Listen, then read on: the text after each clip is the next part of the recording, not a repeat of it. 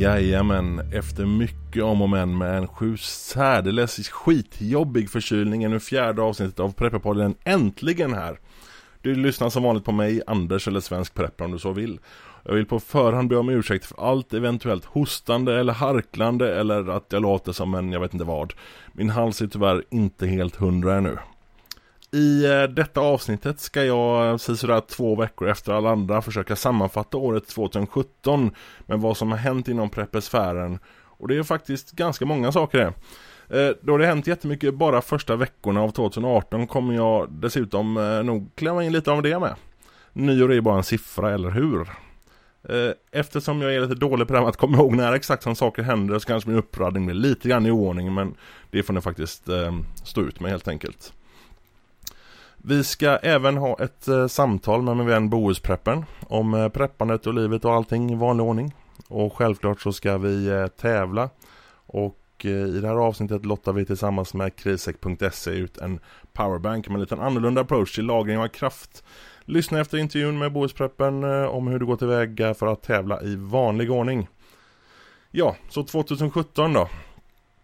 Um, I april hade ju Sverige ett rätt så omskakande terrordåd det basuneras ut att nu är terrorn här av eh, okunniga Stockholmsjournalister eh, som saknar helt historiekunskap. Eh, trots att Sverige haft en uppsjö terrordåd de senaste hundra åren. Bland annat han idioten som sprängde sig själv på en bakgata. Den här händelsen har även gett upphov till att flera ledande journalister och bloggare gått ut och sagt att i Sverige så hjälper vi an minsann när det händer saker och här är det minsann ingen som lotar och stjäl saker och slåss över triviala saker med grannarna. Eh, den stora skillnaden är att alla inblandade i det här var mätta, varma, otörstiga och så vidare. De hade inte svält i dagar, de hade inte druckit dåligt vatten eller fått frysa för att de inte hade någon värme hemma. Det är nämligen då vi blir monster som fullständigt kör över andra, ibland bokstavligen, i vår jakt på att eh, överleva på olika sätt. Venezuela är ett bra exempel och vi är bara några dagar utan vatten, värme och mat från ett sådant samhälle. Tänk på det. Det som eh, terrordådet på Drottninggatan belyste däremot ur en preppersynpunkt var det som jag rätt ofta kan tjata mig blå om, att man bör preppa för effekterna av saker, inte för saker i sig. Det var människor som var strandade i skolor, på kontor eller i sina bostäder. De blev eh, avrådda att eh, använda mobilnätet då de fort blev överbelastat och de kunde inte ta sig hem för att tunnelbanan var stängd, bussar var inställda.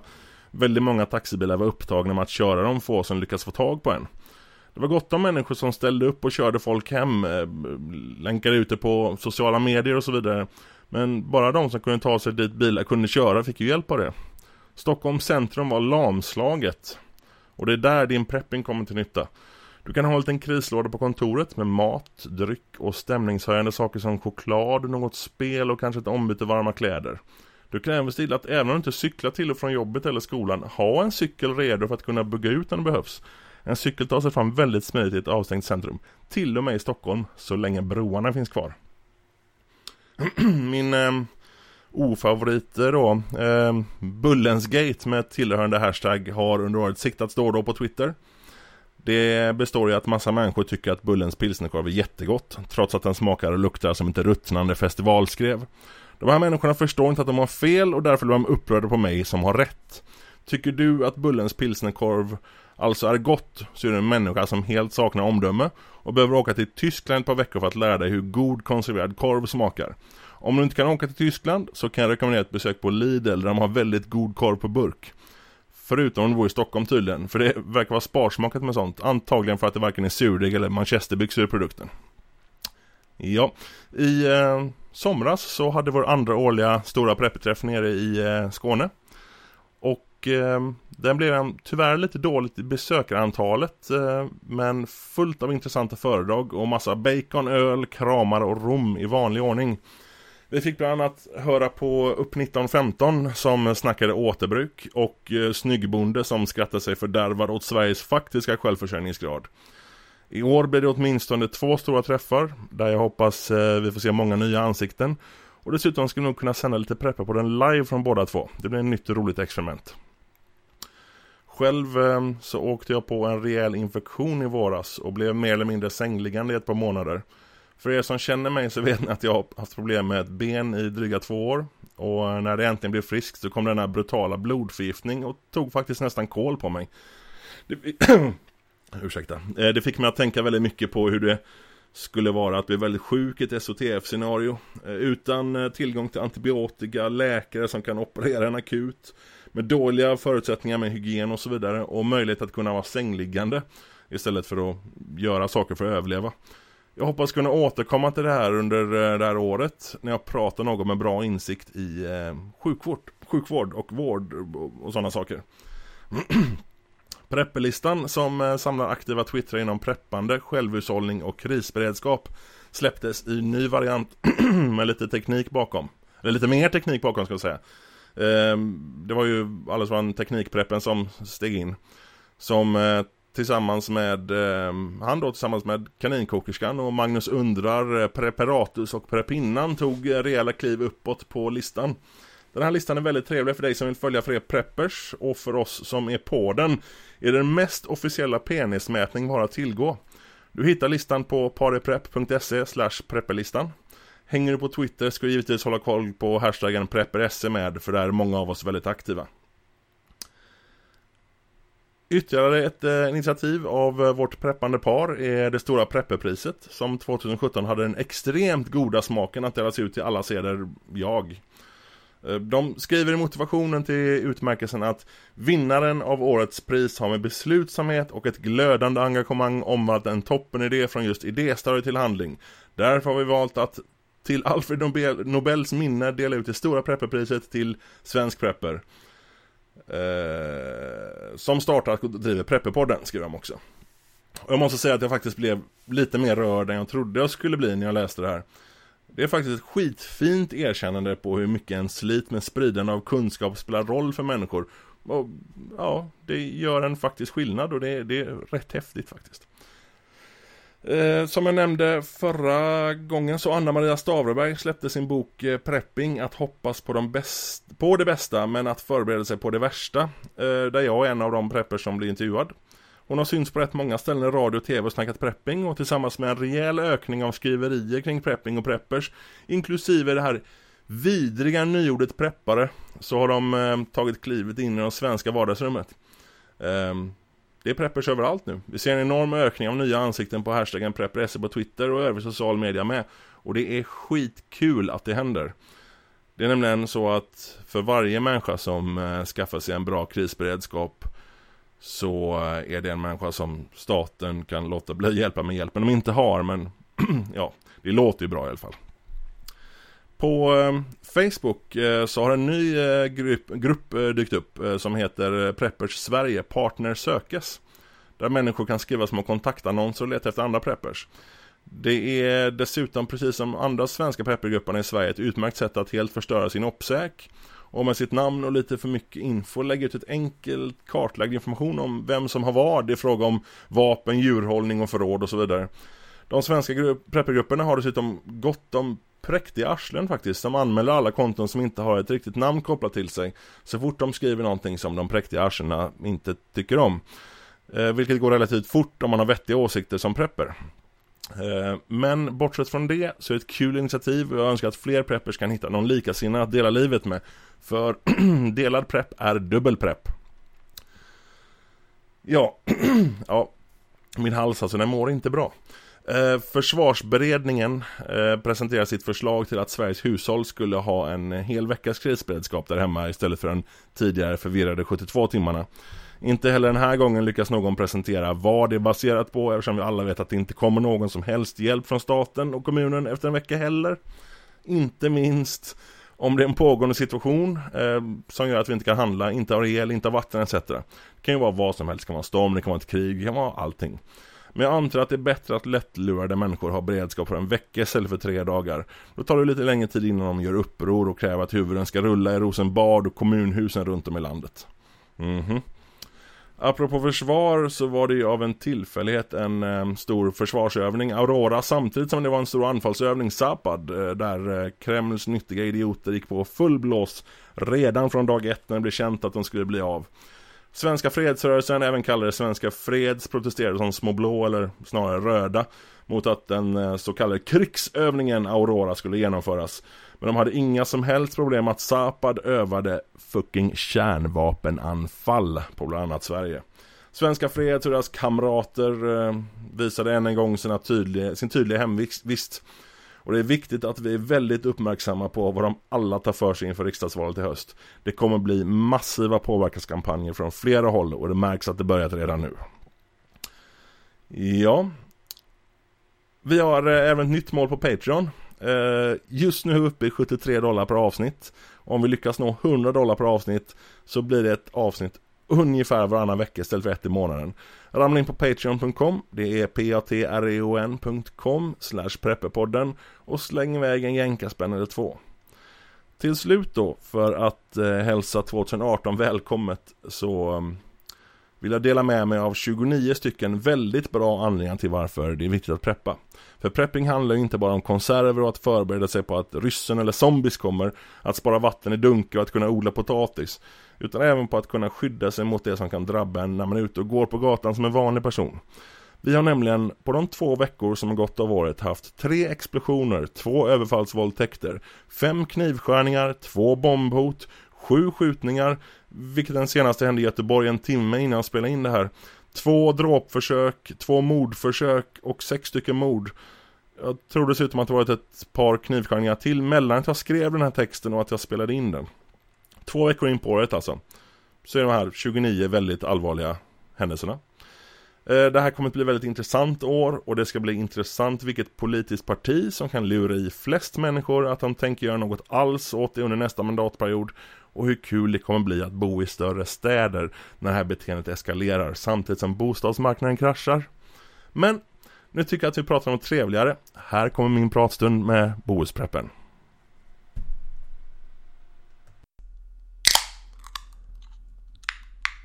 Jajamän.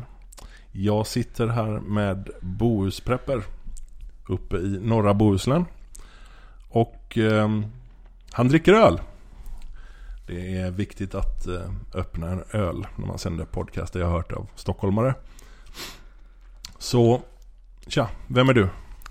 Nej, jag är väl en ganska vanlig snubbe så. Som eh, lever mitt eget liv. Och eh, har tappat miss, eller tappat hela... Tappat misstron? Tappat misstron, nej. Tappat tron på... På på samhället lite grann sådär. Där undrar jag, med samhället menar du egentligen staten då? Eller menar du även med människorna?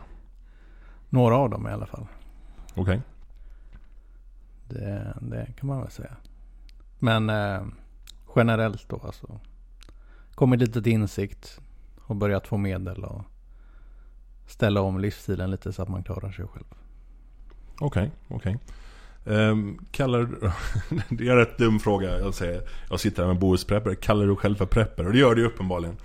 Um, kallar du dig själv för prepper annat än i vad ska man säga, din, din, eh, din persona på Twitter etc? Nej, alltså min persona på Twitter är väl eh, Anledningen till att jag heter Bohus Prepper är väl för att jag är i Bohuslän och jag faller under epitetet prepper. Mm. Men eh, jag ser mig nog mer som en eh, krismedveten medborgare. Än, än, en ren sån här hoarder eller nidbild av prepper-nisse eh, liksom. Du har inte massa kammokläder. Du har inte källan full av vapen. Du har inte eh, hinkar med eh, 25 års hållbarhet på torrmat. Nej.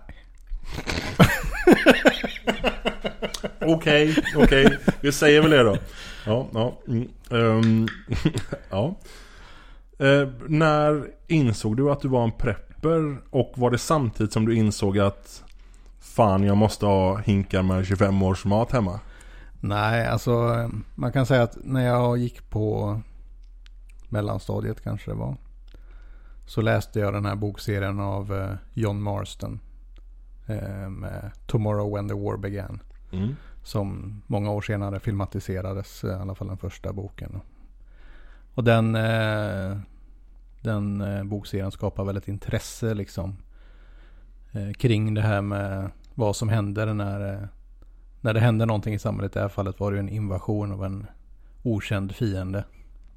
Eh, och, men det, man, man fick väl lite insikt liksom att vad, är det som, vad, vad gör man liksom? Vad händer? Vad, vad, vad, vad behöver man förbereda liksom för att klara sig bättre? Mm. Redan på mellanstadiet alltså? Ja. Det är inte illa. Det är inte illa. Nej. Vad, vad, vad tänkte, alltså Kommer du ihåg några av dina tankar då? Hade du något liksom så här, Nej men jag, alltså jag blev nog fascinerad av det mest då liksom. Alltså det här att de... Lite apokalypsromantisering ja. liksom? Ja, alltså inte romantisering men liksom samtidigt som man liksom tyckte att det var intressant och sådär så tyckte jag det var... Det, det blir liksom relevant så här, här sticker det. De var ute och kampade medan det hände då. Att de är invaderade. Mm. Kommer tillbaka, huset är tomt och Mm. eh, byn är tom och föräldrarna är borta. Och lite det här stuket. Och det, man, man börjar reflektera lite liksom själv då. Sen så... eh, Så du gav ut och kampade och hoppades på det bästa? Nej, alltså jag gjorde väl inte riktigt det heller. Men alltså jag hade med mig det här under många år. Alltså man hade inte riktigt möjligheten när man bodde hemma som eh, liten pojk och vidare under skolgången. Och bygga upp någon direkt eh, hemberedskap i mitt fall då liksom. Men sen... hade, hade du någonting du gjorde som du skulle kunna säga var lite preppigt sådär redan då? Nej men man, man, eh, man kanske samlar på sig lite grejer som man liksom kunde ha. Om, om jag ska dra Mm. så ska jag ha det här liksom. Lite, lite bug-out-känsla så? Ja, lite så liksom. Shit, vad, om det händer nu liksom, vad, vad gör man då? Mm. Men inte något sånt där specifikt. Ska jag ska ta ifrån dig eh, Ta, ta ifrån mig ölen. Ta ifrån dig ölen, du sitter och klickar på den så här. Eh, ja, uh, vad... ehm, och när, när förstod du att det var en prepper då? Var, när kom begreppet? Det var inte så jättemånga år sedan då liksom. Det, det, det var väl egentligen när jag började på Twitter för en eh, fyra år sedan kanske någonting. Mm. Eh, Jag skapade ett konto med mitt eget namn och så började läsa lite bloggar och se liksom att det fanns någon slags eh, patriarkal eh, Klan, klanfantasi fantasi. fantasi där som jag liksom kunde relatera till. Ja. Och det kändes ju skönt. Att det fanns folk som tänkte lite i samma banor. Ja, om, om jag inte missminner mig så var en av de för, dina första tweets som bohuspreppare att nu är jag här under ett preppkonto eller så istället va? Jajamän. Ja. Typ jag har, prepp, jag har preppat, jag har tweetat förut på andra konton och nu Nu är jag här. Ja, precis. Alltså jag behövde väl nischa mig lite där. Mm. Eh, Jag insåg ju det här med Opsec att man får Kanske, alltså just då när jag skapade det kontot där så var ju inte liksom eh, samhäll, samhället, det var en annan ton kring det här med krismedvetenhet än vad vi faktiskt har idag. Mm. Det har gått fort. Det har gått väldigt, väldigt fort. Ja. Och det trodde jag faktiskt inte. Eh, Men eh, Jag var är ju- lite imponerad jag också Ja. faktiskt. Av, av hur Särskilt att något statligt kan komma på att vi hade fel. Och vi kanske skulle tycka så här istället. Ja. Även om det är två olika de har, instanser de har ju inte sagt att de hade fel än. då, Men, Jo, eh, Alltså? eh, MSB har faktiskt sagt De har backat från nej nej vi har aldrig sagt 72 timmar, vi har sagt minst 72 timmar. ja, Som tagit bort alla de här konstiga få eh, Vad heter det? Indikationerna på det här från sin, sin helt obegripliga webbplats. mm. Um, vad, så det, det var, det var du, du kände att Fuck it, jag är en prepper. Och så skapar du kontot. Nej, alltså jag, jag kände mer så här. Eh, nej men. Jag, jag kan eh, sprida mina tankar och idéer lite friare ifall om jag går in i det här kontot och kan eh, bjuda lite mer på mig själv. Mm. Eh, kände jag just där och då. då. Eh, på grund av den här acceptansen då. Ja. Och där, där börjar man väl släppa lite mer och mer då. För man känner att det, det, Det är större acceptans idag än det var då. det är det. Ja. Absolut. Ja. Jag vet att du eh, var ju faktiskt den första Twitterpreppen som lyckas klura ut var jag bor någonstans. Ja. Genom en, en enkel bild. Det är ingenting jag liksom försöker på något sätt gömma. Det är likadant. Vill du veta hela mitt namn så, så får du göra det vem du än är. Liksom det, det spelar egentligen ingen roll men man vill ju ändå liksom, som du sa innan, att man vill ju kunna eh, kanske ta ut svängarna lite när man pratar och därför kan det vara skönt att vara anonym eftersom man idag i Sverige, om man tycker någonting som är fel så finns det människor som jagar upp en och slänger ut en från sociala medier och gör att man blir av med jobbet och sådär. Ja. Det märkte jag ju det, det den veckan jag hade Sweden-kontot. Mm. Så fick jag ju reda på att eh, det var inte bara hemskt. Det var, vad var det, vad var det den här människan sa? Att det var inte bara jättehemskt att jag var, att jag var libertarian utan jag var prepper också. Det var tydligen jätte, jättehemskt när någon annan vill ta fucking ansvar för sina egna grejer. Två hemska ting ja. Ja, lite konstigt så här. Eh, hur är det med din omgivning sådär? Är det, eh, har du gått om... Alltså nu, nu har du lärt känna mig och, och, och tvärtom och, och även då eh, Lite smygpreppern och lite annat folk. Mm. Eh, Men av icke-preppers i din närvaro, eller din närvaro, din, din omgivning menar Har du... Är det någon som vet att du är en prepper där? Alltså, Förutom min eh, flickvän då. ja, jag vet att hon vet ju eftersom hon bor ju här. Mm. Men, det, nej, det, är svårt, alltså- det är svårt att missa om man, om man tittar sig omkring i det här huset kan jag säga. Ja. Nej men vad ska man säga? Alltså, eh, jag rör mig i kretsar där krismedvetenhet och redundans är, är tema. Eh, både i mitt jobb och eh, med mina kollegor och sånt där. Och Får jag fråga vad du jobbar med? Vill jag jobbar till, till sjöss. till sjöss? Ja. Det är därför du sitter och dricker öl, för, för Ja, sjömän bara super. Förstärka nidbilden lite. Nej men alltså eh, ma, ma, eh, krav på redundans och, och robusta system och sånt där. Det, det tycker vi är intressant. Sen om, eh, vet jag inte om alla har vattendunkar i källaren men eh, det, Du tror att jag, det är jag, jag försöker att liksom eh, försiktigt introducera mina närmsta vänner i ett litet bättre tänk. Tror du att det finns gott, eller tror du att det är större andel preppers bland, bland dina kollegor än det bland dina vänner? Just på grund av att liksom, krisberedskap etc. Är, krismedveten är, är en del av jobbet. Ja, eh, jag tror att de har ett annat tänk. Alltså om eh, en av mina kollegor skulle bygga ett hus till exempel. Eh, så hade de inte nöjt sig med, med en värmekälla. Nej, okej.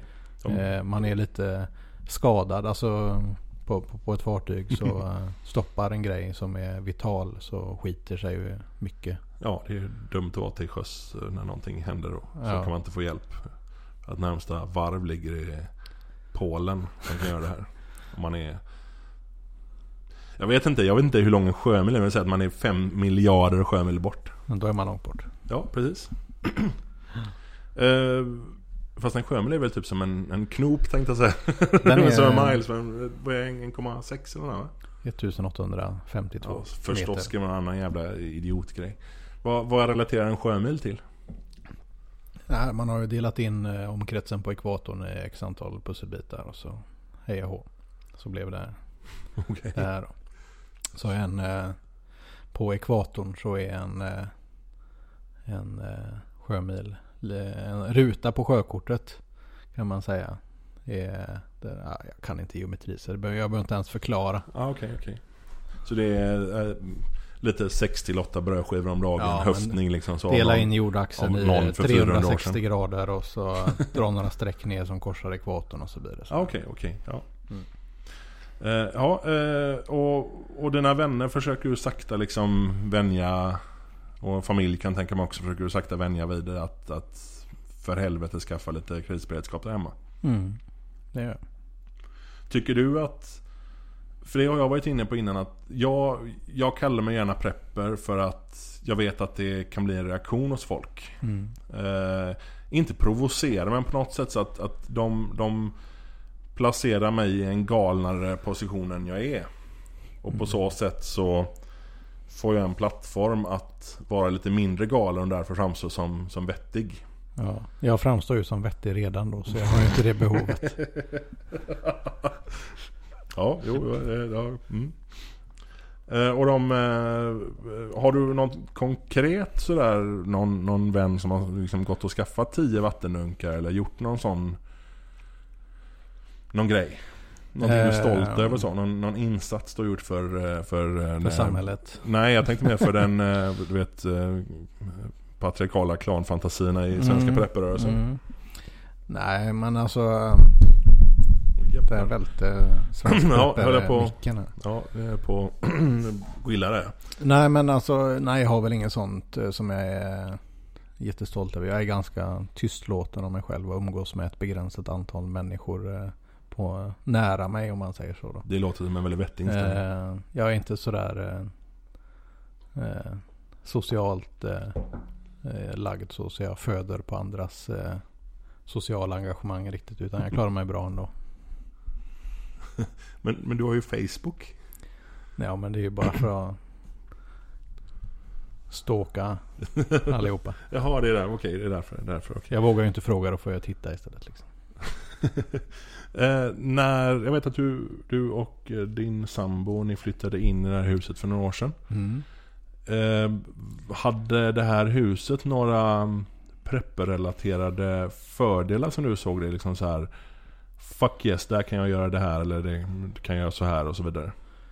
Ja, alltså det ligger ju lite avskilt då. Alltså det ligger ju visserligen i ett bostadsområde. Men bostadsområdet i sig ligger ju inte som, som ett vanligt bostadsområde ligger om man säger så. Då. Nej, det är lite en bit ut. Lite, man hittar inte hit om man inte vet att man ska hit heller riktigt. Det finns inte riktigt någon anledning att åka hit. Nej, jag hade aldrig varit där innan vi åkte och tittade på det här huset heller. Jag visste inte ens, ens att det fanns. Så läget är ju, det är ju faktiskt, för att vara i ett bostadsområde måste jag säga att läget är väldigt bra här. Ja. Ehm, Men var det någonting med, med själva huset som du tyckte om? Som var något speciellt sådär? ja, alltså jag gillar ju eh, eh, källaren som, eh, som ge- medger mycket plats till förvaring. Då. Ja, Eh. lite tidigare var vi nere och, och tittade och det är ju det är vackert alltså. Det är, Ja. det är gott om eh, vatten och gott om eh, torrvaror och Ja. Och det är stor frys. så frys. Och sen har jag ju även en kall del också. Som jag får plats med ganska mycket. Mm. Så det, det, det var käckt. Jag kan hugga ner några trän och sådär utan att någon gråter. Och, Ja, du har en skog här bakom också. ja. ja, Ja. eh, den är ju en meter ifrån huset här. Så det, Precis, precis. mm. Och, men var, det var inga så, förutom att det fanns utrymme, så var det inga så eh, specifika saker. Eh, Tyckte åh det här är bra prepp. Nej, alltså bergvärme, kaminer. Eh, eller kamin. Jag satte in en extra själv sen också. Eh, jag har en luftvärmepump. Så jag har många olika sätt att värma min bostad. Och det, Mm. Ja det är väldigt bra. det finns en vattenkälla några hundra meter därifrån som pålar året runt. Och Mm. det finns eh, fem stycken handpumpade brunnar inom promenadavstånd här också. Närmsta är väl 30 meter bort i grannens trädgård. Det är ju faktiskt väldigt bra, bra grejer alltihop. Mm. Så det, nej men det passar mig ganska bra. Så ligger det högt också. Ja, Jag vill inte eh, bli översvämmad eller få grannens avlopp upp i mitt. Utan eh, jag bor högst. du ska sprida din skit till alla istället. Ja. Ja, ja okej. Ja, men det är, det är ju faktiskt bra. Det är, det är alltid intressant att fråga vad, hur, hur folk tänker när de skaffar ett ställe att bo på. Vad, liksom, vad de har för... Har du några eh, framtidsplaner? Eh, relaterat till prepping med huset? Har du tänkt att liksom göra något? Alltså jag är ju sjukt sugen på en reservkraftsbrytare och, möjlighet att jacka in eh, elverk då för att kunna driva huset då. Ja. Och helst ett trefas elverk då. Mm. Men eh, det ligger nog en bit fram då. Det är en ganska ordentlig investering. Jag är också lite sugen på solceller då. Ja. Ja, det är, det är ju... Men finns gott om takutrymme här för det. Ja. Men jag tycker inte riktigt tekniken är mogen med lagring och, och hela konceptet behöver... Eh, Det går ju väldigt fort där Ja. också. Det så det händer mycket på bara, bara några år. men det behöver mogna lite tror jag. Ja, Så blir det ja. lite mer prisvärt. När jag pratade med, med Daniel uppe i Norrland så um, kom vi fram till att gräsmattor är ju värdelösa. Mm. Eh, har du någonting med, med odling och så här ute? ehm, Är- utöka? ja, jag har ju börjat lite försiktigt. Testat lite. Mm. Jag har lite olika jord på olika platser i, i trädgården här. Eh, Så jag har testat förutsättningarna lite grann då.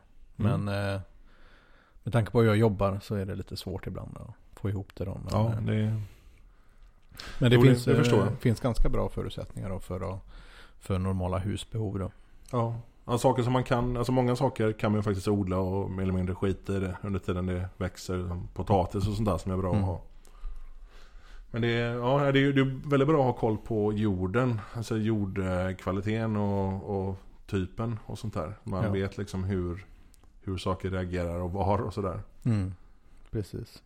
Så jag har testat med olika sorters potatis på två olika sidor av huset för att se vart det växer bäst och sådär. Mm.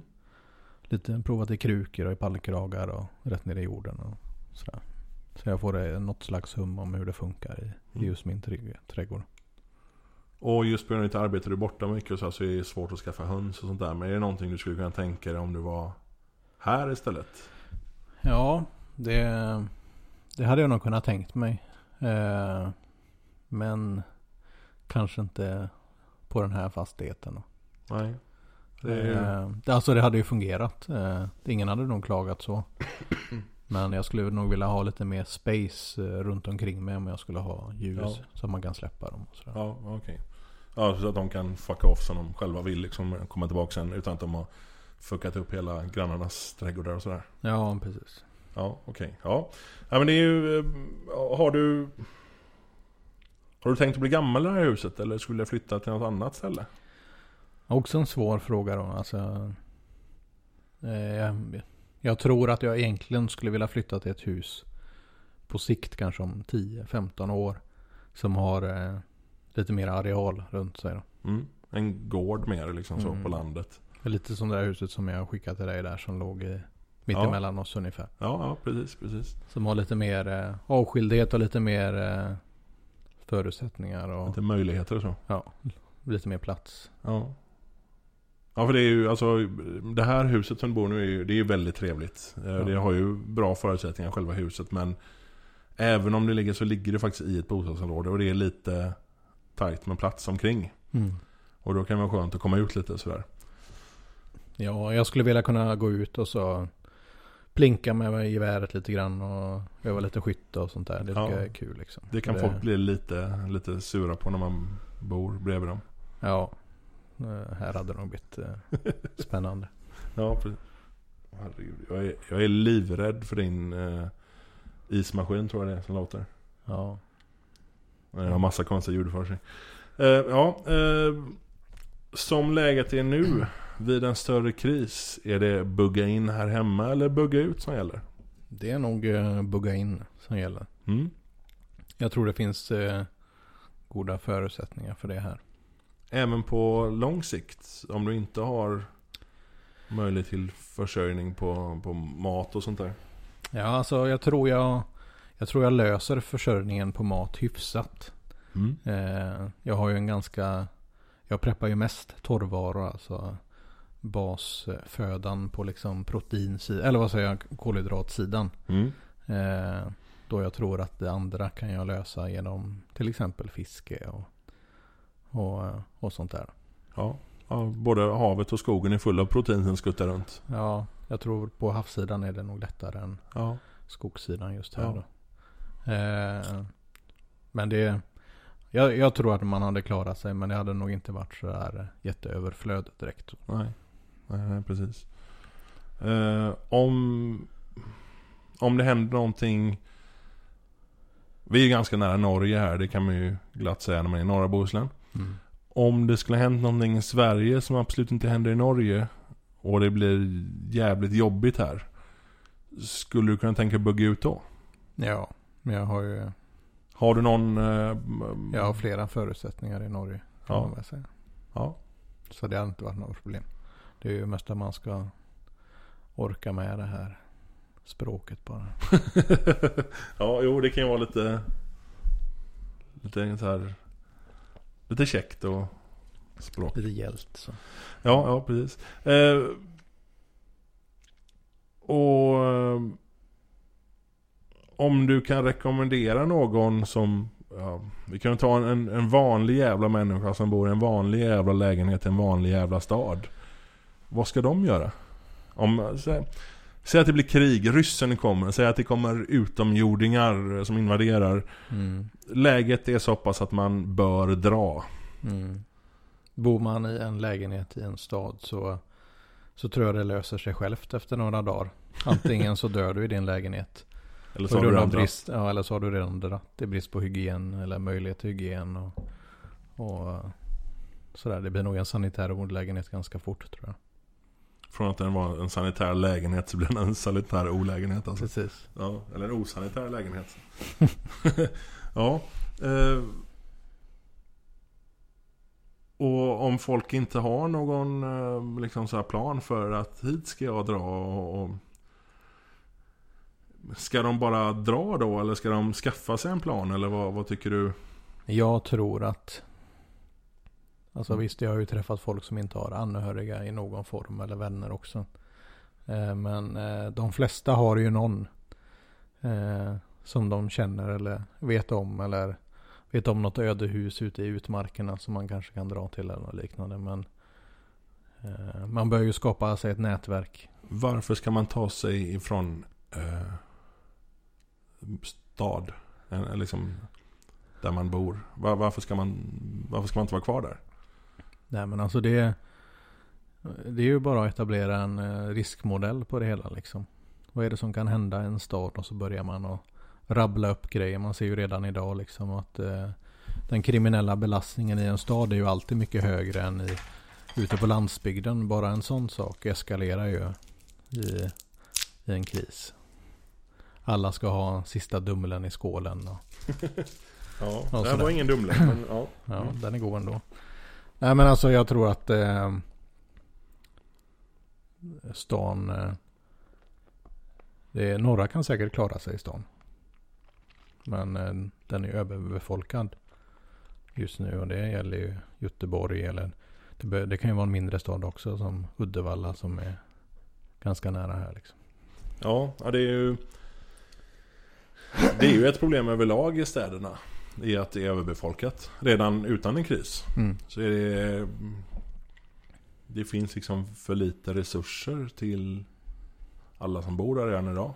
Jag tror det sanitära blir det, alltså Mm. det, det jobbigaste. Här kan jag gå ut och gräva en grop på min gräsmatta. När jag har fyllt den gropen så gräver jag en till grop tre meter därifrån. Mm. Och så, så har jag löst mina problem här ett tag.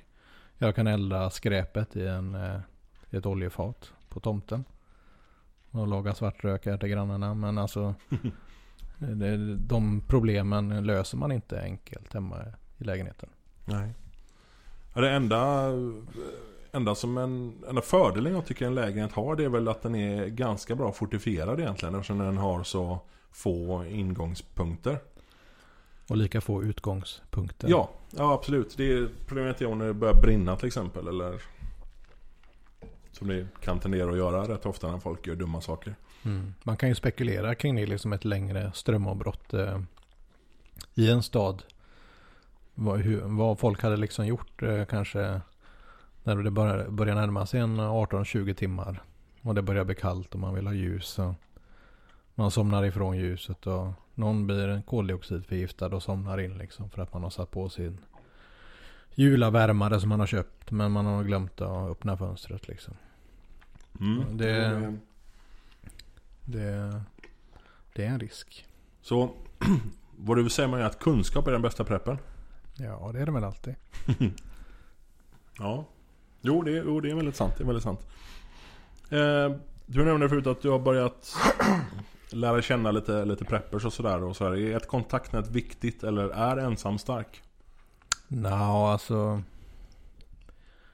Ett kontaktnät är alltid viktigt. För det finns alltid saker som du inte klarar att göra själv. Sen så kan ju ett kontaktnät vara belastande också. Eh, På vilket sätt då? nej, men alltså. Om jag hade haft eh, en stor släkt som hade vetat att jag hade haft massa grejer och klarat mig fint. Så, så, eh, så kan ju det bli en belastning för mig. Så för varje person som kommer in så, så, så tryter det på frågan liksom. Det, Mm, vad, vad är din inställning där? Alltså om, om Säg eh, en kusin Någon du är släkt med och typ kan prata med på På släktmiddagar och sådär men ingen du umgås med riktigt ordentligt så Men kusin, vi kallar, vi kallar kusinen Johan Mm. Kusin Johan har Han vet om att du preppar, han har sett Doomsday Preppers och han har läst att man ska klara sig själv en vecka Han Mm. vet att du har vattennunkar, mat och Vid något tillfälle så har han sett att du har en sån här eh, Att du länkar någonting på Facebook där du skriver någonting om att eh, det är bra att klara sig själv och sådär Mm. eh, Han slår ringer på här Trots att han har vetat om det här i, i ett par år att, att du preppar så här Vad tycker du han har för rättigheter då? Nej, alltså jag skulle vilja säga att Johan har väl Han har väl nästan mindre rättigheter än de kompisarna som jag umgås med till dagligdags. Just det här att eh, blod skulle vara tjockare i det här läget. Det, det, det, det tror jag inte riktigt på. Det är ju Nej. en annan sak om det är en eh, nära släkting som man hade umgåtts med regelbundet kanske. Om man hade. Men eh, man, man får ju tänka efter lite så här vilka, vilka ska jag liksom ta hand om? Jag kanske tar hand om min gamla 90-åriga mormor eller Mm. min mamma eller min pappa. Men sen så kanske det tunnas ut ganska fort liksom. Tycker du det är någon, någon så här ehm, Vad ska man säga Moralisk skyldighet Hos någon som vet att du preppar Att liksom Du skulle ha preppat själv Din Ja, dumme alltså, jävel Lite så är det ju. Alltså det, man kan ju inte komma helt oförberedd här i kallingarna och räkna med att man blir både påklädd och får sig ett par skor och har ett gott mål malt. Det, då får man, man får komma välklädd ja, ja, precis kan man säga.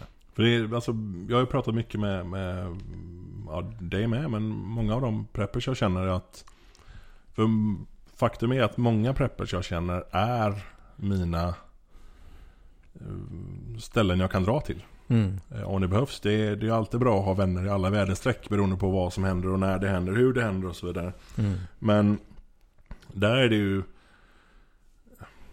Alltså där förutsätter jag att man kan komma minst med Ett pannben som är villig att jobba hårt liksom alla de timmar som behövs per dag. Mm. Men helst ha med sig så mycket man kan. Ja. Även, även liksom faktiska saker. Mm. Eh, Prylar, mat etc. etc. Nej men jag tror alltså det, det, är, det är en viktig förutsättning. Alltså man måste ju ha någonting att bidra med. Man kanske bidrar med en enorm kunskap eller med det här pannbenet. Eller, eller så har man bara med sig massa grejer för att man är oduglig på att göra någonting själv liksom. Så det, En så kallad prylprepper. ja precis. men det, det är vi nog allihopa lite grann. Men, alltså det, man måste Man måste skapa förutsättningar liksom. Ja, får, ja, precis. så är det. Precis. Sen alltså, många, många preppers är ju nördar i grund och botten. Alltså den ismaskinen, ja. Mm. Ehm, och, och gillar därför prylar. Sen kan det gå lite överdrift ibland. Och om man inte har någon kunskap och så här, som, Jag vet att om man köper en pryl och man inte vet hur den funkar, då är den ju värdelös. Mm. Och, och särskilt om man köper den från Wish och så är den billig skit. Och Ja. så upptäcker man att den funkar inte alls. Vilket jag trodde att den skulle göra när jag betalade 50 cent för den. Mm. Och så är den liksom inte alls bra och så har man inte kunskapen, man inte, och så har man förlitat sig på skit helt enkelt. Mm. Nej, jag har ju tagit bort mina Wish-konton och sånt där. Det, jag har inte det längre. För att annars köper du bara billig skit. Ja. För jag har ingen riktig stopp kring det. Utan jag, alltså jag, jag har lärt mig det nu. Eh, sedan några år tillbaka att eh, sluta köp massa skit. För alltså eh, köp kvalitet. Spara hellre lite längre. Eh, på de här viktiga grejerna som du kanske måste ha. Och så, eh, och så köp något riktigt liksom. Så vad du säger, buy quality, cry once. Ja, lite så. Fast ändå Mm. då ska du inte bara förlita dig på den grejen sen. Utan du får kanske ha någon slags kvalitetssubstitut då Ja. också. Och redundans. Ja, Two is one, one is none och så vidare. lite så ja. Och så kunskapen då på, på hur man använder prylen och vad som faktiskt händer när man använder prylen är ju ganska bra. Det är ju lite spännande också. Då får man ju en möjlighet att hitta på något kul i vardagen också liksom. Ja, det är ju många dock som tycker att Ja fast jag vill inte slösa på den här dyra Vad det nu är jag har köpt. Mm. Det är som eh, Jula sålde ut eh, de här små enkilos brandsläckarna Vita, röda eller svarta var det va? Mm. Eh, för 49 spänn för ett tag sedan. Så pass alltså. Eh, Missar jag det? ja det missar jag nog. Det är väldigt, väldigt trevligt. Och jag köpte ett gäng. Mm. Och då tänkte jag, alltså sist jag använde en brandsläckare Ja Det var nog en tio år sedan drygt. Mm. Så jag tänkte att jag måste ju veta hur den här funkar. Mm. Så ja, jag tände en eld och så släckte den med den. Så, och nu vet jag hur den funkar och det kostade 49 kronor. Ja. Det kostar mig 49 kronor. Och den kunskapen är ju ovärderlig liksom. Man vet liksom en, en- jag kan ju inte alls relatera till vad en enkilos brandsläckare kan släcka och liksom hur bra den är. Nej, oftast mycket mindre än vad man tror. Ja, precis. Så eh, jag har ju lärt mig det att en enkilos är perfekt att ha med i bilen till Mm. exempel. Eller ha mm, i närheten Precis. hela tiden. Där man är liksom eh, mer mobilt så. Mm. Men sen ska man ju ha ett gäng tunga 6 kilos eller så. Ja. Liksom i, i sitt hem. Jag har ju fyra stycken här. Ja. Det låter som alldeles lagom. Många. Mm. En i sovrummet är ju viktigt. Ja. Så att du kan ta med den. Ifall, den- min, ifall min sambo blir så het så att... Ja, jag måste kyla av den lite. Ja, precis. Nej men alltså det Många tänker ja, men jag ska ha en i köket kanske. Och jag ska ha en i vardagsrummet där jag har öppna spisen. Och jag ska ha en i nere vid entrén liksom. Och sånt där. Men ha en i sovrummet. För fan. För Ja, den, den, ja. den fyller två syften. Du kan ju tänka dig den dagen någon står i hallen här klockan tre på natten och det är mörkt och du har hört att det knarrat i golvet så du har vaknat. Den funkar lika bra att släcka den inbrottstjuven som den funkar att släcka en, Det är väldigt sant. eld. Det finns väldigt mycket bra vapen. eh, Istället för att skjuta någon Ja. så är det bättre att fylla dem Slå med skallen på bikarbonat. Ja, Ja. så det, ja, det funkar bra. Ja, ja men det är, det är trevligt. Det är trevligt. Ja, eh, jo, så kontaktnät eh, är bra. Eh, men det är också bra att hålla käften lite grann. Mm, Och inte blava på så mycket. det tror jag. Ehm, har, du, har du fått några, när du har haft kompisar hemma och sånt där och på något sätt så har det kommit upp eller det har, de har råkat kliva in i ett gigantiska prepperi där nere? är det någon som liksom sagt Vad i helvete håller du på med? Är du helt dum i huvudet? Nej, det har de inte sett. Men min eh, kompis här, han eh, frågade här för några, någon vecka sedan. Varför har du så mycket frystorkar? Liksom? Det här 25 års eh, shelf life och Ja, hinkar. precis. Nej, men det, det får man ju ha. Alltså istället för att köpa konserver hela tiden så kan jag ju ha en liten bas med det här och så, Mm. Eh, så ska man ju klara sig lite. Och sen så har jag lite sån här turmat också. Som man kan ha ifall man har lust att ta en promenad ut på holmarna eller någonting. Eller, Ja, du vet du, du och jag och smygpreppen var ju ute i våras. Var var det? det ja. Jajamän. Herregud, det är länge sedan nu. Eh, och då bjöd du på någon eh, chili con carne där för någon påse. Mm. Och den var ju ätbar i alla fall. Med Ja. lite kryddor och lite så, så hade den varit riktigt god tror jag. Och sen så ska man titta på innehållsförteckningen lite. För alltså proteinhalten i de här eh, rätterna är oftast väldigt hög. Mm. Eh, och det, det, det är en bra källa till mat sen. Alltså behöver man lite kryddor för att göra det lite mer intressant. Ja, precis. Eh, så är det. Eller Mm. ha det som utfyllnad. Alltså du kan ju alltid pytsa i lite annat sen när maten är klar liksom. Ja, ja precis. Jag gjorde en, en grej här om kvällen när jag var lite hungrig. Ja, Jag bara orkar inte laga så mycket. Ja, ja, precis. Jag tog en, en Lidl-gulasch som är ganska tråkig i vanliga fall. Och så slängde lite prepotatis, som vi kallar den här färdiga potatisen i glasburkar. Eh, 9,90 på Ica eller var det något annat? Ehm, det var Lidl-potatis tror jag.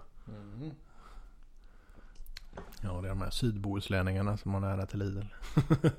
Du har väl eh, Lidl, vad blir det? Charlottenberg närmast tror jag. Nej, då är det nog närmare till Uddevalla. Ja, jo det är det nog. Jag vet. Alltså, Bohuslän är så jävla stort som man inte tänker på hur stort det är så Det är rätt ofta man, man tänker på liksom allt norr om Uddevalla som, ja men det är typ ett par mil och så kommer Norge sen. Mm. Men så är det gigantiskt alltihop. Ja, Och Charlottenberg ligger ju uppe i Värmland va? Eller i Dalsland? Värmland. Okej, ja. Det är också, alltså, vad, vad fan är skillnaden? Mm. Värmlänningarna. Har du hört talas om en dalslänning någon gång? Ja, det är de Har du? där som, har, som pratar som man gör i Uddevalla fast lite mer eh, bonnigt. Är, är inte det Vänersborgsbor? Ja, de bor väl i Dalsland, gör de inte det? ja, nästan. Ja, det är, det är på gränsen där. Ja.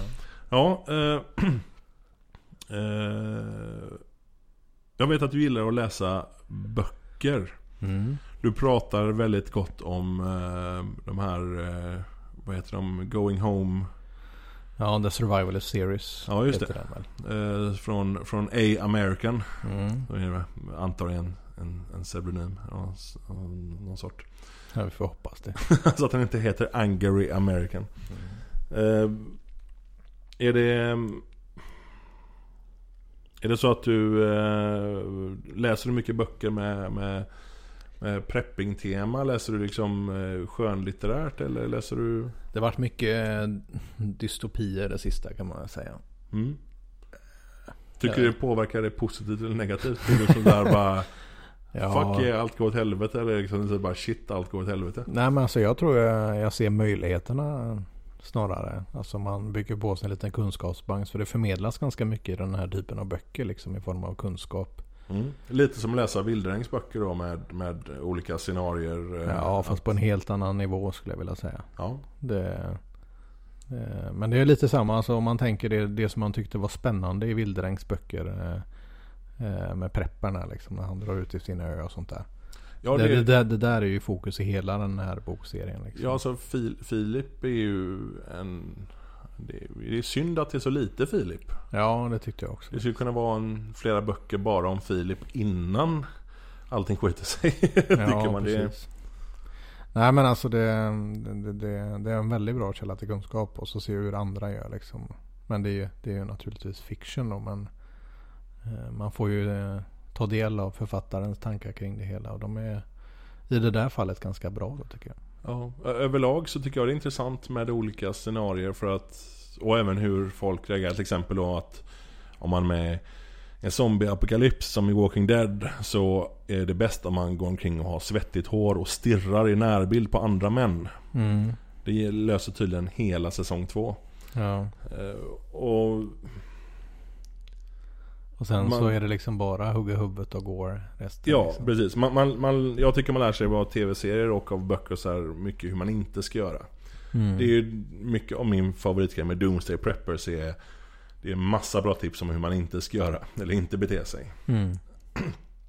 Och, men just, just i Ja. dystopiska böcker, alltså eh, fictionböcker så är det ju Eller vad ska jag säga, skönlitterära böcker som jag säger på svenska. Mm. Så är det ju ehm, Som du säger, man kan lära sig mycket av det som händer och Det är lite grann som ett scenario blir provat av någon annan. Ja men lite så.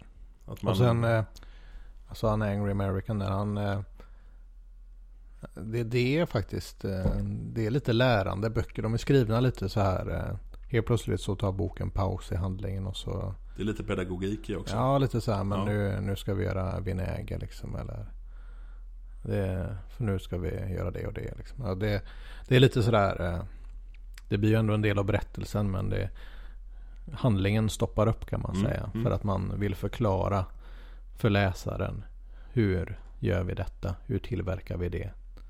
Hur får vi vattnet att flöda in i kranarna i huset när strömmen har gått? Och, Ja, okej. Ja, men det är men lite, lite, här- spännande faktiskt. Ja, Det är, jag ska försöka länka till... Det är väl bäst att köpa dem på Amazon va? De här eh, böckerna. ja, jag köper allt på Amazon faktiskt. Ja, De är ehm, ganska billiga de här Kindle-utgåvorna också, de digitala böckerna. Och eh, det finns mycket bra där. Alltså när man köper de här böckerna får man ju tips om vilka andra som kan passa också. Det är ju de här Devon Ford eller Devon C. Ford har ju en serie också. mm. Som är också väldigt bra. Ja, jag ska försöka få till en länk under avsnittet här. Problemet är att många av er eh, lyssnar genom, genom era vanliga podcastappar och sånt där. Men om ni går in på patreon.com slash prepperpodden så ska länken finnas där, även på prepperpodden.se i alla fall. Eh, så ska jag länka till den här serien. För jag har läst de första böckerna och jag det finns en nio ute nu. Den nionde kommer. Har den kommit eller kommer den? Den kom för någon vecka sedan. Jag har Ja, redan okej. läst den. Du har redan läst den? Ja. Ja, Jag väntar på tian. ja okej, okej. Ja, så, eh, så kan ni, ni övriga eh, ta en titt på dem också. Eh, jag har ju haft en... Oj, börjar min hals... Jag har haft, varit sjuk ett tag så min hals är lite... Jag har bara dricker lite vatten här. Så. så. Ehm, jag har ju haft en eh, liten genomgång av, av 2017 här. Mm. innan vi pratar. Ehm, och var det någonting som du tycker ur preppers synpunkt utmärkte 2017? Ja, men jag tyckte året började med en ganska sån här eh, tråkig inriktning mot krisberedskap. Liksom. Man hade liksom ja, 72 timmar och hej och hå. Liksom. Och det var, det var liksom, nu har vi hittat en målsättning. Och, och eh, vi tyckte ju den var dålig. Men sen så här i slutet av året så känns det ändå som att mycket har hänt. Liksom. Mm. Eh, man hör titt som tätt myndigheter som får olika direktiv och växla upp. Och det är polisen möter motstånd när de ska inspektera skyddsrum eller MSBs personal möter motstånd så de får dit polis. Man ser liksom att det händer saker i samhället som, som har initierats för att höja krismedvetenheten i, i, i landet. Och, och det, det ligger lite i tiden nu. Så det tycker jag har varit positivt. Mm. Ja absolut, det, det, det märker jag också att det är Bara en sån sak som på Twitter Så märker man alltså på, på våran hashtag prepperse så Det dyker upp så mycket nytt folk, så mycket konstigt folk. Nej, det dyker, det dyker upp väldigt mycket människor som, som tycker saker och som frågar saker och som och sådär. Och, och Det har blivit särskilt efter här försvarsberedningens en vecka Mm. grej nu då. Så Tycker jag att det har formligen exploderat överallt. Men jag, jag tror det kan vara mycket vara att folk hittar sitt forum liksom. Mm, Nej, ja, absolut. För det, det är ju Twitter ganska bra på liksom. Eh, Vara ett forum för olika agender. Så det, det tror jag. Folk eh, har liksom hört, ja men det, vart läser du det då? Liksom, ja men det stod ju på Twitter. Ja, jo precis. precis. Nej, För jag, jag har ju sett människor som aldrig mig vetligen förut har skrivit under Prepressi-hashtaggen Har ju börjat hänvisa till Prepressi-hashtaggen eh, För andra typ, ja men kolla med folket under Prepressi för de vet vad de snackar om Mm. Har ju stått nu flera gånger de senaste dagarna Jajamän. Och det tycker jag är lite roligt att det börjar bli lite Lite, lite rotation här. Ehm, Pare Prep där som jag har pratat med innan. Eh, De har ju pushat mycket för, för eh, Prepper SE och det tror jag absolut har hjälpt till i att sprida medvetenheten om det. Absolut. Och eh, sen ser man alla de här kommunalanställda som eh, kommer in och skriver under krisberedskap och sånt där. Och, Med Q. Ja, uff, ja. För er som inte vet om det så är det alltså krisberedskap som stavas som Q i början. Det handlar om krisberedskap för kvinnor. För det är tydligen viktigt vad man har mellan benen när det gäller krisberedskap. Jag förstår inte alls. Nej, inte jag Faktiskt. heller. Det, jag tycker krisberedskap är väl eh, det en av de få grejerna som där kön inte har någon eh, betydelse och inte ens behöver vara en del i debatten. Man behöver inte ens ha ett kön. Nej. Det är alldeles utmärkt att ha en krisberedskap ändå. Ja. Tror jag, ja. Men ska Eh. man då könspreppa då så är det ju momsfritt med bindor och tamponger i Norge. För er som är intresserade. Men hur dyrt är det där? Mycket billigare. Det är Just på det. trots, trots att det är Norge, jag vill säga. Ja, ja. Det är, det är flera. Det är, jag tror det är halva priset nästan. Så mensprylar, åk till Norge. Och för er som man tycker att menskonst är viktig, stanna i Norge. Kom inte tillbaka. Alternativt så kan ni fortsätta förbi Norge tills det blir vått. Och då gapar ni stort och andas. Ja. Då hamnar ni i havet alltså. Ehm, ja. Mm. Eh, något annat som har hänt runt 2017 som du tyckte var, var spännande? Ja, Crickets. vadå? Det är syrsor här. Jaha, nej jag vet inte riktigt faktiskt. Det, det känns som att tiden går väldigt fort. Ja, jo det, det gör det. Och samtidigt väldigt långsamt. Man vet liksom inte 2017, vad var det egentligen? Liksom. Det, precis, vad händer då? Ja. Ja. Ja, du får helt enkelt ta och lyssna på den här podden. Och påminna dig själv om vad som hände 2017. Mm. Som Efter jag, jag har hört din eh, summering där. Ja, precis. Summeringen som är innan den här Precis. intervjun. Mm. Ja, det blir spännande. Mm. Ja. Ser jag fram emot faktiskt. Ja, eh, sen har jag ju eh, som avslutning här så eh, har ju min klassiska fem snabba. Mm. Som vi kan dra ut lite på här då. Lite lätt. Som blir fem långsamma. Ja, det finns risk för det tror jag. I och med att jag såg frågorna först då. Jaha, okej. ja, eh, då är den första frågan här då. Den bästa preppen kan vara en pryl, kunskap eller sådär. Som folk i gemen har, som de inte tänker på. Mm. Den, är, den är svår den alltså. Eh, Men jag skulle nog vilja säga att man har ju vissa instinkter som människa liksom. Eh, Och tillgodose vissa behov. Eh, Lyssnar man lite till dem där. Så, Typ. så löser det sig mesta självt Äta liksom. när man är hungrig och typ inte Dri- frysa när man fryser Ja. och så. Dricka när man är törstig. Och så löser man de eh, grundläggande behoven där så är man väl ganska nära. Ja, ja men det är mycket bra svar tycker jag. Eh, vad är din bästa preppepryl? Ja. Det, det, det är också lite svårt alltså. Det, alltså man har ju det här klassiska grejerna. Liksom de här vattendunkarna och den här eh, maten i förrådet och allt det där. Men det är ju ganska tråkiga grejer egentligen. Liksom. Det är lite tråkigt svar även om det är ett bra svar. Så, ja, jag tycker ju om mitt, eh, min eh, Biolite Camp Stove ganska mycket. Men eh, den är inte sådär fantastiskt bra liksom. Men ja, eh, den, den, den värmer ju mat bra. ja, På, på ganska lite energi. bättre än arméns jägarkök i alla fall. Ja, ja precis. Det är smygprepperns eh, förtvivlan. Hur är den i eh, hållbarhet, liksom livslängd? Ja, den är ju i eh, titan ju. Är den i titan? Jag tror det. Den här brännkammaren i alla fall. Jag tror det var orange plast. Ja men det är ju inte brännkammaren då. Ja, har du läst någonting om huruvida de håller länge eller liksom klarar mycket stryk och... Nej men jag tror det. Den är ganska robust. Det är få rörliga delar. Det är bara en rörlig del egentligen. Är det den första eller andra du har?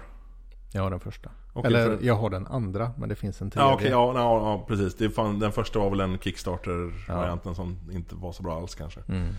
Eh, men jag vet att flera av de små problemen som uppstod i den första är fixade i den andra. Jag antar att, Ja. att eh, den har ännu bättre livslängd då. Mm. Och den eh, går jag att elda allt som brinner i i princip.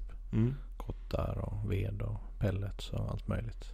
Ja, alltså det, jag såg en nackdel när vi använde den ute i, i, skärgården här i Bohuslän. Det var att den lät. Det var den här, den här Typ, fläkten. typ som min ismaskin då. Ja, precis. Nej men det var lite så här, vi, vi, det var så jävla vackert när vi satt där va. Mm. Och så drog vi igång den Och så här. gången vi där. Det var, liksom, det var inte så jävla charmigt. Nej. Nej, den Det- förstör väl lugnet lite. Det... Men eh, Eftersom det var typ den enda dagen på den årstiden som det var soligt, blå himmel och helt jävla, havet var helt stilla. mm. Nej, det var en fin Och dag. så drog du fram din orangea jävla dammsugare. Men å andra sidan så värmde den eh, våran eh, Ärtsoppa. med ne- nedklippta Lidl-korvar. Jajamän. Och Nej, nej, nej, förlåt. Det var, det var annan tysk korv. Ja, just det. Två. Den värmde på bara några minuter. Ja. Och ehm, på bara några små fjuttiga pinnar. Ja. Nej, sjukt effektiv. Ja, så det, det var, det var imponerande. Okej, det, är- det är en bra prepperpryl. Den är Mm. jävligt dyr, men är man ute mycket och gillar när det låter och... Mm. Tycker om sådana här små surrande ljud och sånt där. Så. Är man en prylnörd och gillar att vara ute i naturen så tror jag att det är rätt... En bra eh, kompromiss då. liksom. Ja, ja precis, precis. En bra angelägenhet. Eller man får en bra anledning att åka ut i naturen kanske. Vad, okej, följdfråga på den då. Vad, är din bästa kunskap? Eller du kan inte äta en cola nu när du ska svara på den frågan. Nej, men jag kan öppna den. Ja, eh, vad, vad är din bästa kunskap eller egenskap som prepper? Ja, men jag har ganska bra bas inom eh, sjukvårdsområdet och, och behandling och sånt där. Mm. Av eh, få delar. Så där tror jag. Sen så är jag ganska lugn och sansad och sådär. Så jag, det tror jag är mina bästa. Lite analytiskt lagd så här. Ja. Ja men det är, det är väl någonting som kommer också mycket med eh, Mycket med liksom Att vara kris, hålla på med krisberedskap, vara krismedveten. Att man kan analysera situationer och att eh, man inte liksom, höjer armarna och bara "Ah!" börjar springa omkring och vifta. Nej, vi har ju lite olika kategorier människor ute i samhället. Eh, de flesta är ju idioter. Ja, jo det är precis. No Det är ju två kategorier, det är de som är idioter och de som inte är det. Eh, vad har du eh, för råd till nybörjarpreppers? Alltså, tänk att någon sitter och lyssnar på det här och tänkte fan man kanske skulle kaffa någonting mer än den här du vet, halva ketchupflaskan i kylen och halva pennepaketet liksom. Vad, vad fan, vad ska de göra? Vad ska de börja med? Vad, Far till Biltema. Köp vattendunkar. Säger som Daniel, så far till Biltema och kör vattendunkar. Ja, det är... Nej men alltså det, jag, jag tror det har lite det här med de här grundläggande behoven. Alltså man får tänka igenom lite sin egen situation kanske. Mm. Eh, Och behov.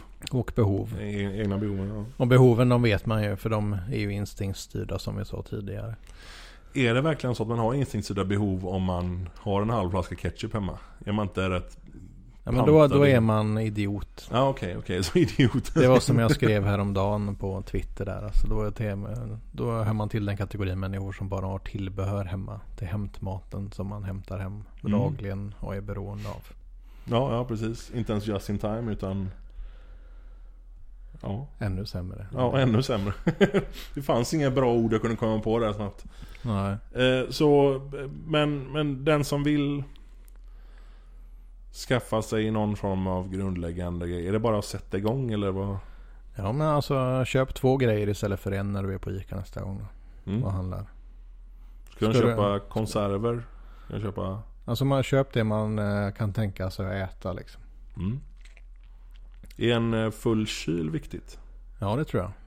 Det är ju den här, det är de första 72 timmarna kan vi väl säga. Ja, ja precis. Skulle jag vilja säga. Det som man har i kylen. Och eh, det, det är nog det viktigaste man har. För det, Mm. det sätter lite tonen till vad man orkar dag 4, 5 och 6. Tror jag. Ja, jo precis. Innan staten kommer och hjälper en på dag sju då. Ja, precis. Frälsarens dag. På sjunde dagen så latar sig staten och... Ja, nej, men fyll på skafferierna lite. Alltså det, är det två för, eh, två för priset av en så köp två då. Mm. Mm. Men har du inte plats så kanske du bör eh, lägga om lite. Ta en rens i garderoben och slänga ut de här kläderna som du hade när du var 15 och det stod Wu-Tang Clan på. Och sådär, och släng in några konserver och en vattendunk istället. Ja, ja precis. För det kan man ju faktiskt... Eh, man kan ju faktiskt använda just garderobsutrymmet till det. Man behöver inte ha ett, ett förråd, ett skafferi, ett prepperi. Man behöver liksom inte ha massa fina explicita områden eh, i sitt hem för det. Utan det går alldeles utmärkt att använda en hylla i en garderob någonstans. Mm. Och så köper man då en gulaschsoppa då. Då får man ju tänka då steg två och tre. Så ska jag äta den kall? Ska jag kunna öppna den? Eh, eller vad, är planen liksom? Och ska kunna värma den. Ja, det, det, det är ju lite Ja. sådär. Det, man, eh, man får ju se hela ledet där. Mm. Eh, det är viktigt. Så man får helt enkelt tänka lite mer. Ja, Eh, vad, ehm, vad tycker du ehm, för att inhämta kunskap ja. om det här, om de här grejerna? Vad, vad ska man göra? Ja alltså eh, läsa böcker. Mm. Eh, ta del av andras erfarenheter. Eh, Hur då? Nej, alltså prata med folk då som, som är intresserade av det. Mm. Alltså ställ frågor på Twitter eller läs Pari Preps blogg eller din eller Urvakens eller någon. Mm. Det, det tror jag. Det finns ju otaliga sådana här Facebook-forum också. Eh, där man får sålla ganska ordentligt på svaren. Där det är väldigt mycket tyck och inte så mycket kunskap. Ja. Eh, Men Enligt min er- erfarenhet så är preppergrupperna på Facebook lite grann som Flashback i allmänhet. ja, det, Det finns guldkorn men det är... man undrar ju om liksom hur folk eh, kan ha offentliga profiler och skriva allt det där som de skriver. Det ska de ju ha cred för alltså. Ja, men du vet idioter skäms inte för att vara idioter. Eh, sista frågan då. Eh, vad är det dummaste man kan göra som nybörjare på, på vara prepper liksom? Om jag- jag vill bli prepper, vad är det dummaste jag kan göra då? Nej, det är väl att köpa tre månaders Mountain House. Eh, Som du gjorde? frystorkat och inte veta hur du ska laga till det liksom. Alltså eh, köpa massa grejer eh, generellt och inte veta vad du ska göra med det. Utan Mm. att testa det först. Mm. Eh, Utan börja i, eh, med ett smakprovsätt då. Och köp en eh, någon form av tillagningskit. Alltså något du kan värma maten på. Koka vatten och Vad Och har du testa. för tips på det förutom din... eh, Inget. Det är bara Biolite, den som eh, Rocket Disco Stove för typ 3000 spänn. Nej men ett vanligt Trangia eller en, eh, en sån här liten gasolplatta eller något sånt där. Mm. Inte spritkök. Jo det är väl Trangia det eller? Ja, alltså jag tänkte mer typ, eh, det är ju ett märke mer, så tänker jag. Ja. Men okej, ja. En, en, eh, eh, En sån där med skålar och en liten brännare kan vi kalla det. ja. Utan att produktplacera. ja, precis. Mm. Till exempel då på det här eh, företaget som eh, säljer från början delar till eh, bilar, mest till Volvo och som numera säljer allting och även har våra för... Jag måste fan få börja betalt av Biltema så mycket jag snackar om dem. Ja. Biltemas eh, spritkök eh, Mm. är väl ganska prisvärt. Det är det säkert. Jag har ju inte långtidstestat det mitt då men eh, det är säkert Nej. det. Ja, det har inte jag heller. Har liksom inte... Men jag, Jag- jag tror det duger för liksom lite hemmauppvärmning och sånt. Mm. Jag köpte ju det där med teflonbeläggning för att jag inte orkade att det skulle bränna då. Ja, det... Det är dumt att det bränner vid den där Ja. lilla maten man har kanske inte ska... Inte så till när den smakar bränt. Nej. Man vill ju inte stå och röra hela dagen heller liksom. Ja, ja då eh, har jag nått botten på min lilla papper med anteckningar här. Mm. Eh, har du någonting du vill tillägga eller ska jag bara säga hejdå nu? Jag har hört att det skulle bli kött här ikväll. Ja, du är väl fortfarande hungrig säkert. Nej, det är jag inte. Eh, Efter, blivit, eh, blivit bjuden på räkor och krabbklor och lite sånt där. Mm. Så avsluta kvällen med en bookmakers kanske. Hmm. Mm. Ja. Då eh, får jag tacka dig så jättemycket för att du har varit med här. Ja. Så eh, får du eh, preppa lugnt. Mm. Ha det bra. Hej. Tja! Du har lyssnat på fjärde avsnittet av Prepperpodden med mig, Anders, eller Svensk Prep om du så vill, och min trasiga hals. Jag har gjort någon slags sammanfattning av Nordens år 2017 och intervjuat Bohuspreppen. Och jag hoppas att du har haft en mysig stund med oss. Du vet väl om att du kan sponsra Prepperpodden genom att gå in på Patreon.com, det är p-a-t-r-e-o-n.com slash Prepperpodden eller eh, tjoa på oss i DM på Twitter för Paypal eller Swish. Du kan även mejla oss på prepperpodden at gmail.com och eh, känner du inte att du vill eller kan lägga reda pengar så uppskattar vi givetvis att du retweetar våra tweets, att du delar våra Facebook-poster och att du sprider vårt vackra evangelium. Så, till tävlingen då. Eh, Krisek.se låter er... Eh, Nej, låter inte er men låter en av er vinna en eh, Goal Zero eh, Powerbank Guide 10 Plus. Som med uppladdningsbara AA-batterier har en liten annorlunda approach till powerbankandet. Rätt kul produkt faktiskt. För att du ska vinna powerbanken vill vi att du ska motivera varför du ska vinna den. Inte svårare än så och faktiskt inget mer alls. Kommer en motivering i eh, DM på Twitter eller i mail till prepperpodden at gmail.com senast klockan 18.00 på söndag den 21 december. Om ungefär en vecka när jag spelar in det här. Som eh, vanligt så gäller det att du, om du postar ditt svar publikt på Twitter eller annat sätt så blir du diskad och antagligen hånad publikt också. Jag tycker vi gör så att vi hörs i nästa avsnitt och glöm inte, för att parafrasera Pariprepp, äntligen ett nytt år då allting kan gå till helvete. Puss och kram!